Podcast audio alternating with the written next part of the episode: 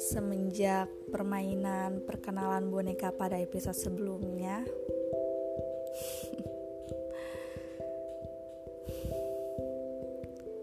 sering kali Dinda menemukan mata itu menatap di balik kumpulan teman-temannya di jam pelajaran.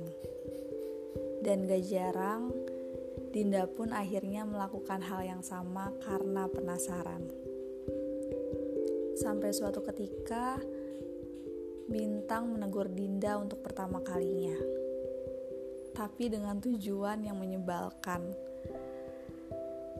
Entah dari mana ceritanya, ada sosok laki-laki yang pasti teman sekelas yang bukan Bintang ternyata menyukai Dinda. Bintang menegur Dinda karena ikut meledek Dinda dengan laki itu yang jelas Dinda tidak tertarik sedikit pun. Bukan Dinda namanya, jika tidak ketus dengan hal yang tidak ia sukai.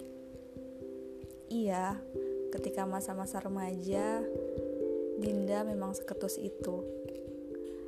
Padahal sedikit berharap teguran pertama dari Bintang bisa membawa kesan yang baik.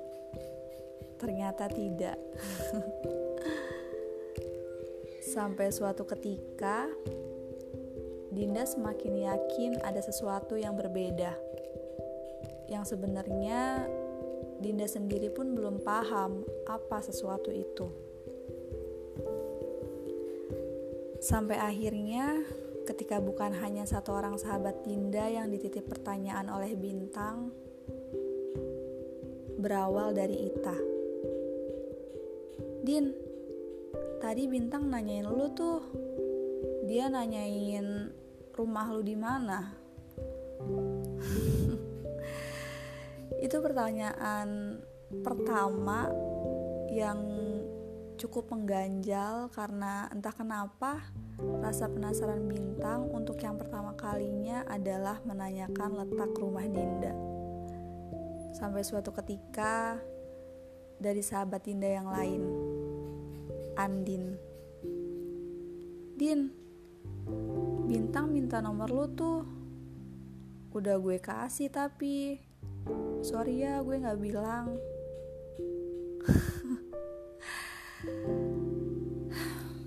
Entahlah Saat itu Dinda hanya mulai semakin penasaran Karena setelah dapat kabar nomornya sudah ada di tangan Bintang Bintang gak langsung SMS Iya, jadi masa-masa itu belum ada yang namanya BBM ataupun WhatsApp. Yang ada komunikasinya hanya lewat SMS atau telepon. Sampai sekitar satu bulan kemudian, akhirnya bintang SMS seperti layaknya teman pada umumnya. Sebenarnya agak cukup terlambat sih ya karena Dinda dan Bintang sudah satu kelas sekitar hampir enam bulan. Bintang memperkenalkan diri dan minta di save nomornya. Dan selama satu bulan dia tidak SMS, satu bulan Bintang belum SMS, ternyata Dinda pun mencari tahu banyak hal soal bintang. Dan ternyata ada satu hal yang menarik perhatian. Hmm, by the way, maaf ya, aku nggak bisa nyebutin apa yang membuat Dinda tertarik, tapi ini cukup menjadi pondasi atas perasaannya Dinda sampai saat ini. Bahkan sampai aku tahu episode ini endingnya seperti apa, hal itu masih jadi sesuatu hal yang dikagumi oleh Dinda. Hmm, suatu hari, guru BK datang lagi. ya, Bu Dewi, si guru BK. Ada satu teman laki-laki tertangkap basah karena rambutnya melebihi standar kerapihan sekolah. Bu Dewi langsung meminta siapa pun yang membawa gunting itu untuk bersedia meminjamkannya. Entah, entah bagaimana ceritanya, Bintang saat itu duduk sebangku dengan Dinda.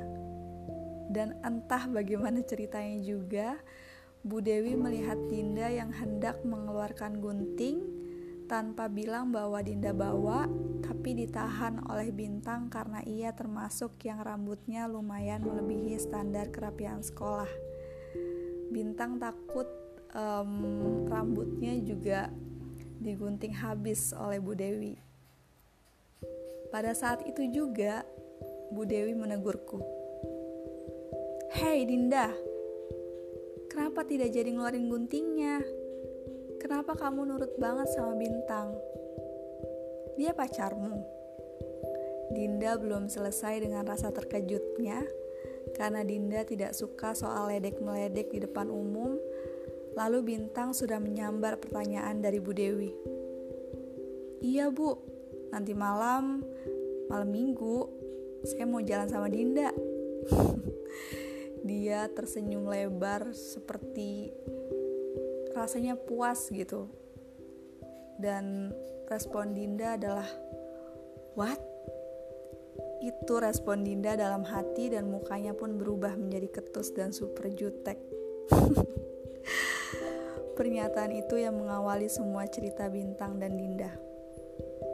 Ya lagi-lagi semua karena guru BK Oke, sampai bertemu di episode berikutnya tentang Dinda dan Bintang. Dadah.